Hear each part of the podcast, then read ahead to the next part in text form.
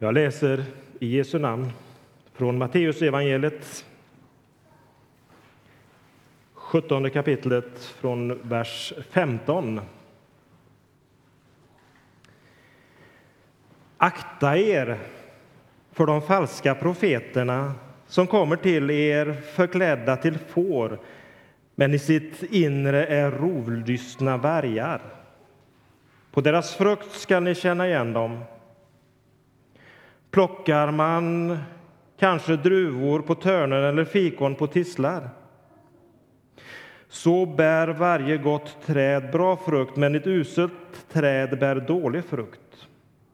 Ett gott träd kan inte bära dålig frukt, och inte heller kan ett uselt träd bära bra frukt.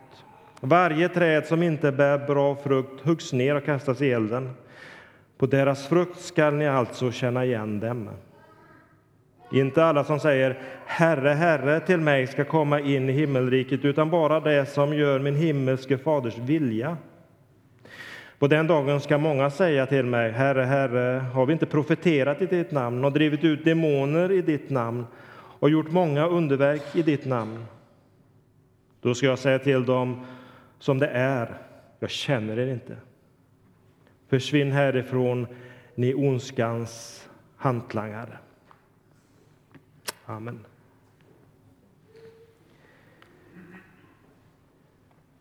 Jag följer kyrkårets texter och idag är det temat andlig klarsyn. Och andlig klarsyn är det inte det som väldigt mycket av det kristna livet handlar om. Att kunna skilja mellan andarna. Vad kommer från Gud och vad gör det inte? Det kan handla om företeelser i samhället runt omkring oss. Och kanske det ofta det första vi tänker på när vi läser det här, tror jag. Vad är det omkring oss som vill locka bort oss från Gud, vill locka in oss på fel vägar? Men jag tror också det handlar om våra egna drivkrafter och känslor.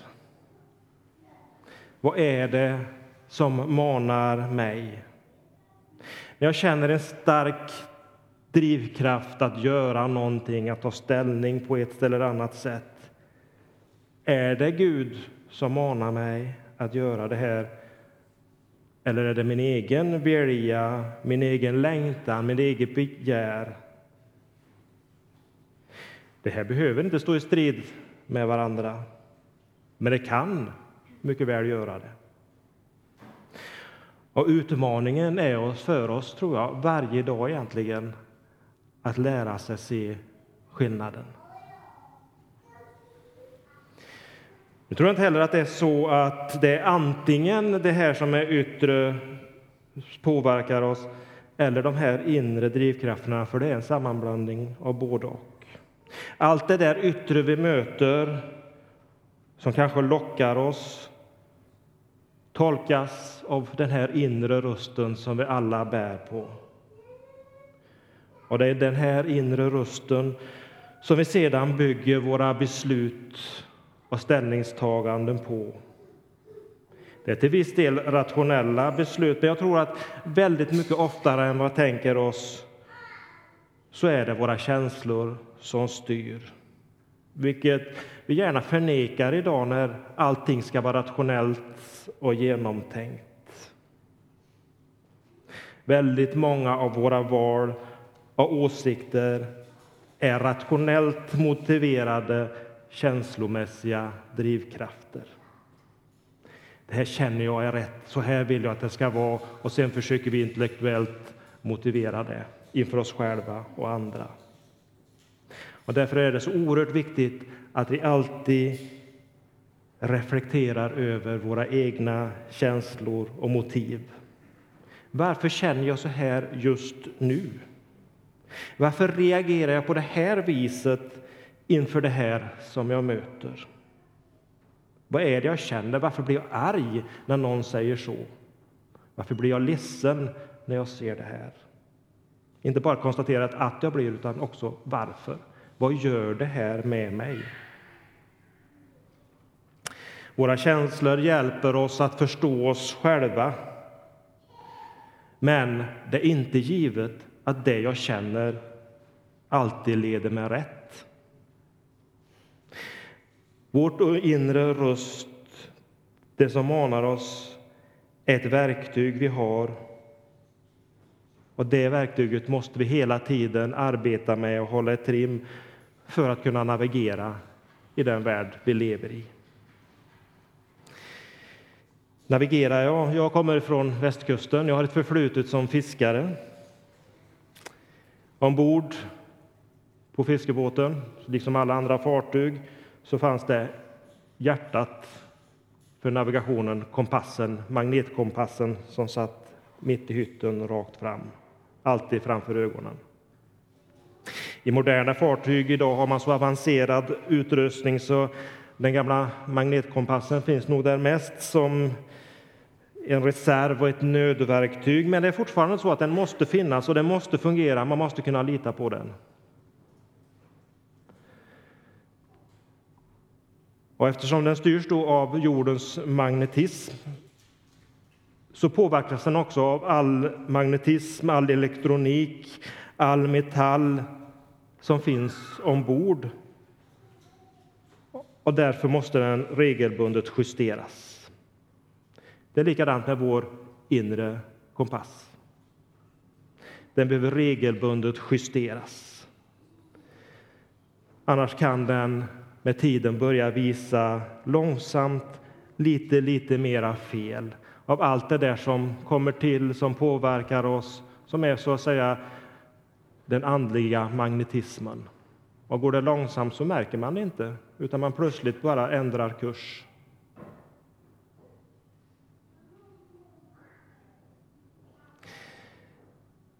För det är inte så enkelt att man alltid gör rätt och följer Jesus bara för att det känns så. Jesus talar till vår inre människa, till våra drivkrafter, våra känslor, vår längtan. Men Jesus är inte våra känslor och vår längtan. Det gäller oss själva och vår egen inre kompass, men det gäller också de andra människorna, de vi möter. Om en annan människa känner att du gör fel eller känner att Gud vill att du ska göra si eller så eller gå den ena eller andra vägen så kan det mycket väl vara så, men det måste inte vara så. Det finns människor, och det är det Jesus talar om, värjar i fårakläder, som vill utnyttja oss för sina egna syften. Det är ytterst bara du själv i bön, bibelläsning och gärna samtal med andra, men ytterst du själv som måste komma fram till vad Gud vill med ditt liv och vilken väg du ska gå. Lyssna på dem du har förtroende för, men pröva allt. Alltid. Jag tror att det finns några saker som man ska vara lite speciellt uppmärksam på och det är förtjänst. Om jag själv eller den andra som manar mig till något tjänar konkret på att det blir på det här viset. När han säger att det här är Guds mening. Det behöver inte vara så att det är fel, det behöver inte vara en motsättning, men det är en varningsklocka. Jag tänker till exempel, det är lite lättare att se på, på historisk distans vad som hände förr, när man lever mitt i det är lite svårare. Men tänk 1800-talets slaveri i USA. Där har vi lite distans till, vi ser hur, hur det var. Det är mer svartvitt. Slavägarna i Amerika på 1800-talet de var fromma människor, många av dem. De läste Bibeln noga. De kunde inte se någonting som motsatte slaveriet, utan tvärtom. De uppmuntrades att ha det kvar, men de hade väldigt mycket att förlora rent ekonomiskt på att slaveriet förbjöds. Var det Guds röst de hörde eller var det plånboken som, och tryggheten som pratade? Och de hade ju Bibeln på sin sida, för det finns ingenting i Bibeln som säger att slaveri är förbjudet.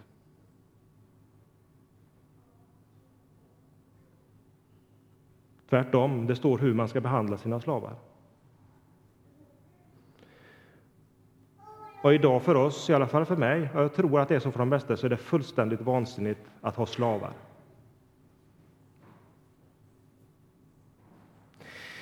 En annan sak som man får vara uppmärksamhet är det bekvämlighet.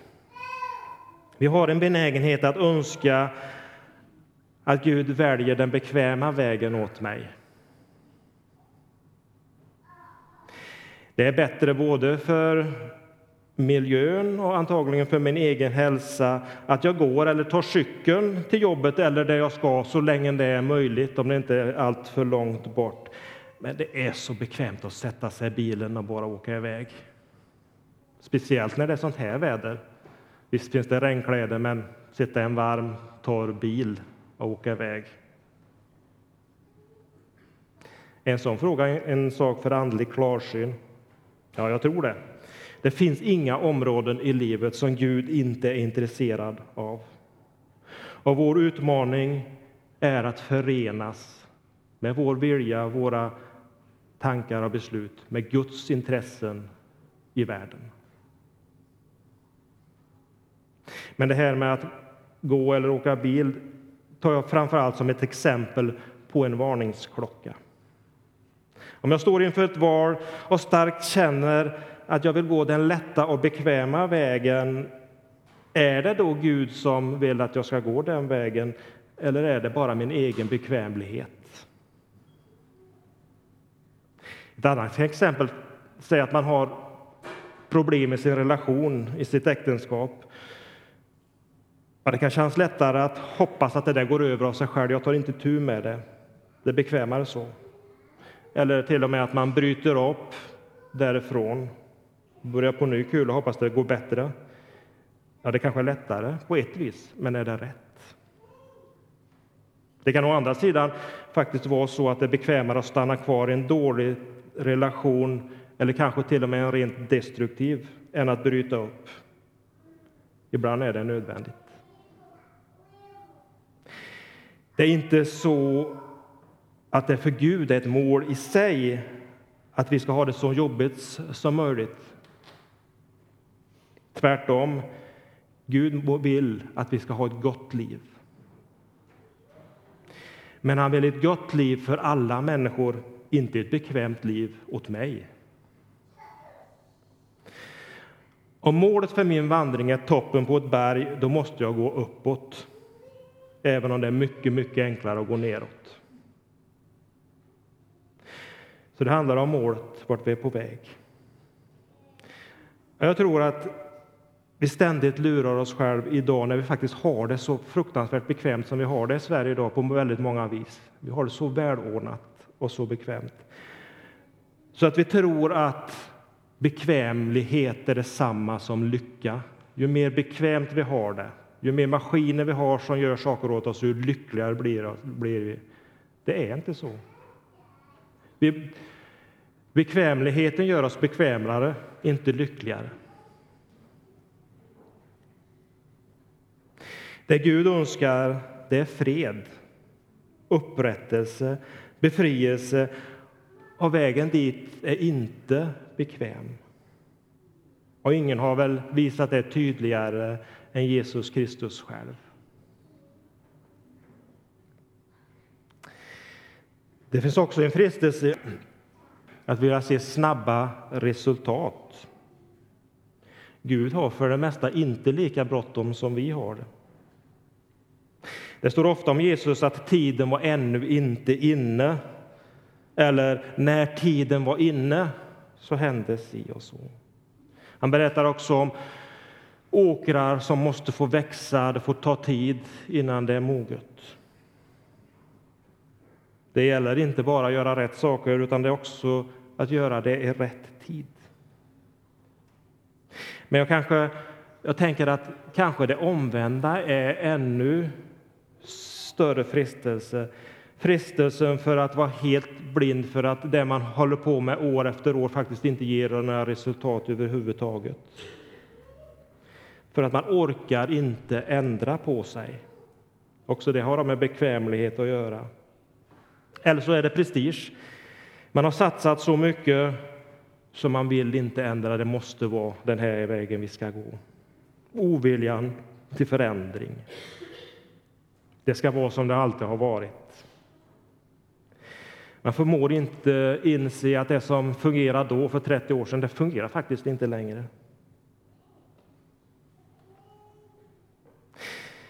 En metod som fungerar för kanske inte gör det nu. Och Det handlar om metoden ofta. Och Det gäller att skilja på form och innehåll. Även om man också måste vara vaksam på att formen faktiskt också påverkar innehållet. Man kan inte separera det helt. Och det finns ett rent ut sagt djävulskt sätt att kväsa varje förslag till förändring, varje ifrågasättande av rådande ordning och trycka ner andra människor i en församling. Och det är att kräva ett tydligt bibelord som tydligt förespråkar det nya. Och det är så djävulskt för att Bibeln är så viktig för oss. Det är själva grunden för det vi har. Därför kan det förstöra så mycket när den används fel. Med det sättet att läsa Bibeln så skulle slaveriet aldrig ha avskaffats, till exempel, i alla fall inte på kristna grunder. Det finns väldigt mycket som inte nämns uttalat i Bibeln, som vi måste ha, ta ställning till idag. Organtransplantation, internet, sociala medier, global uppvärmning, kärnkraft. Har Gud inget att säga om detta? Jo, naturligtvis har Gud det. Men du kan inte hitta en enskild specifik bibelvers som talar om exakt hur du ska göra i de här frågorna. Den som avkräver dig ett bibelord, eller som du läser Bibeln för dig,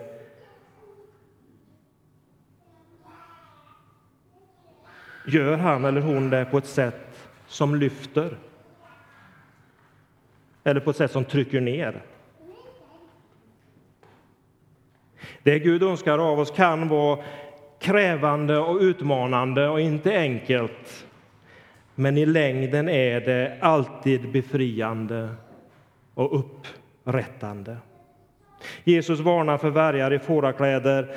Det är de som säger Herre, Herre, men som inte gör Guds vilja.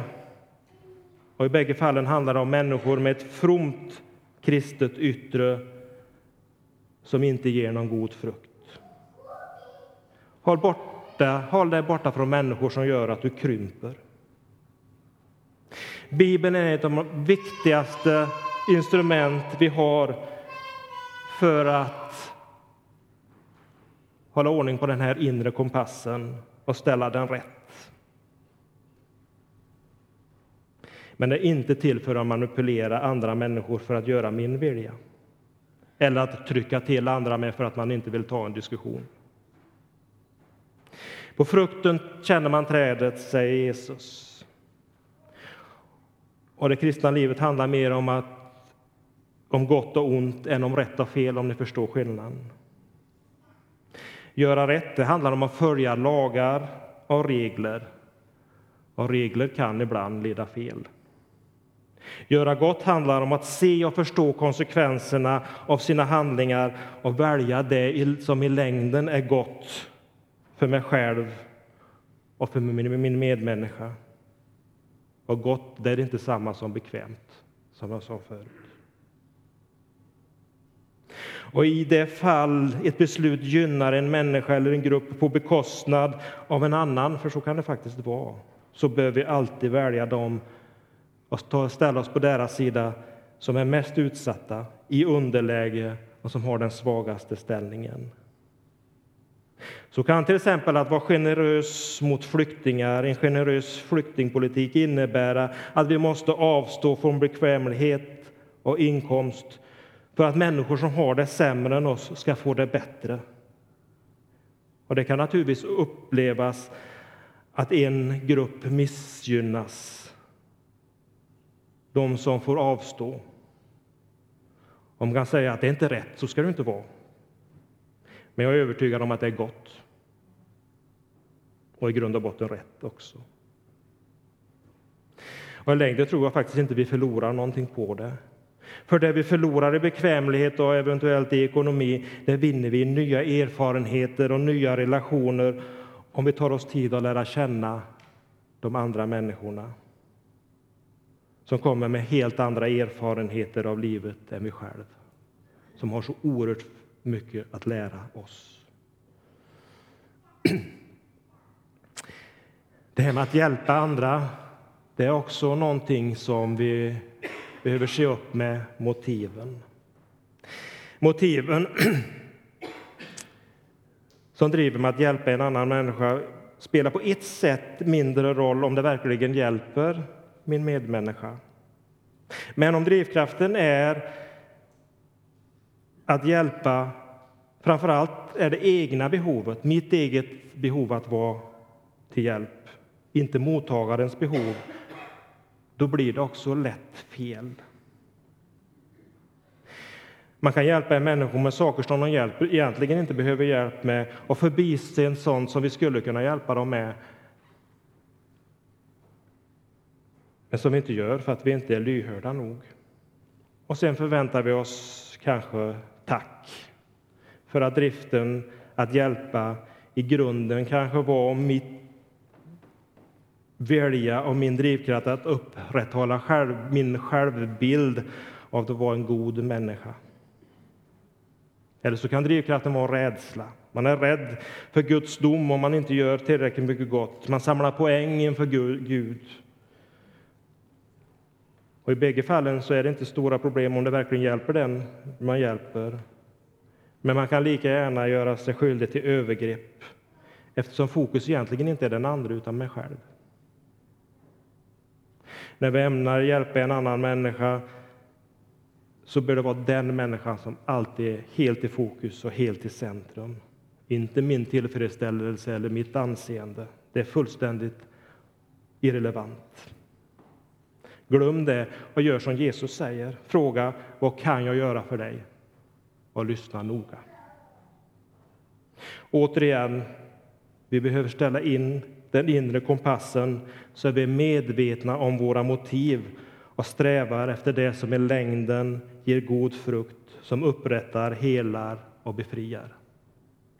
Det är det vi ska titta efter. Vargen tar liv.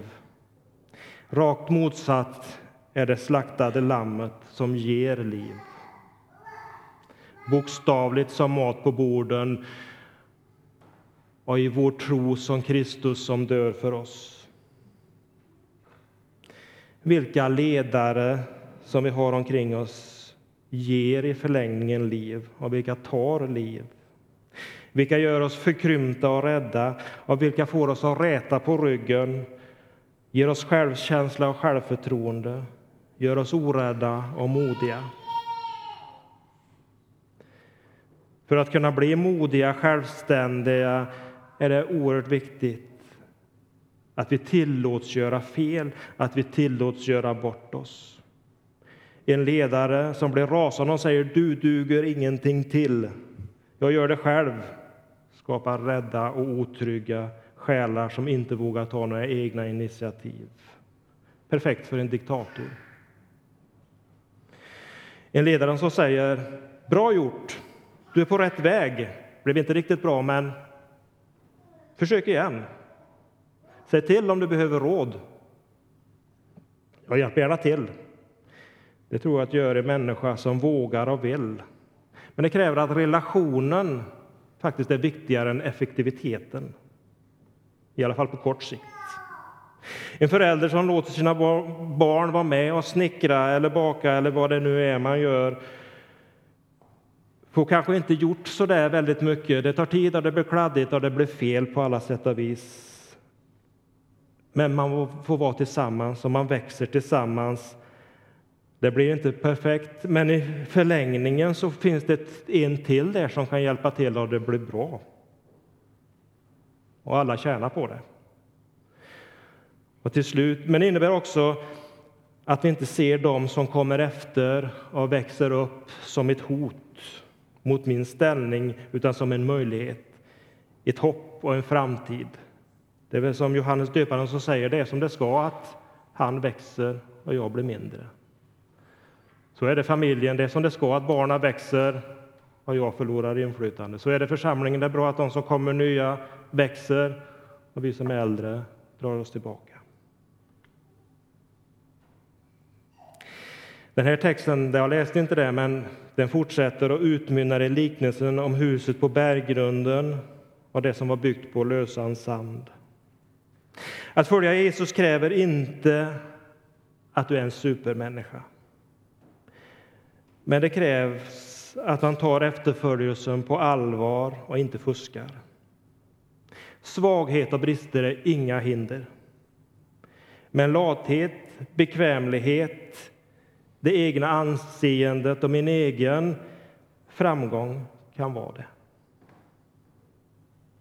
Att bygga på berget, det är att leva nära Jesus. Reflektera över sina känslor och drivkrafter och motiv, ha självkännedom. Och att lyssna på förebilder och ledare som i längden gör oss till fria människor med god självkänsla och stor empati för vår medmänniska. Låt oss be. Tack Jesus Kristus att du är den gode ledaren som ger liv. Tack att du upprättar oss. Du ger oss liv.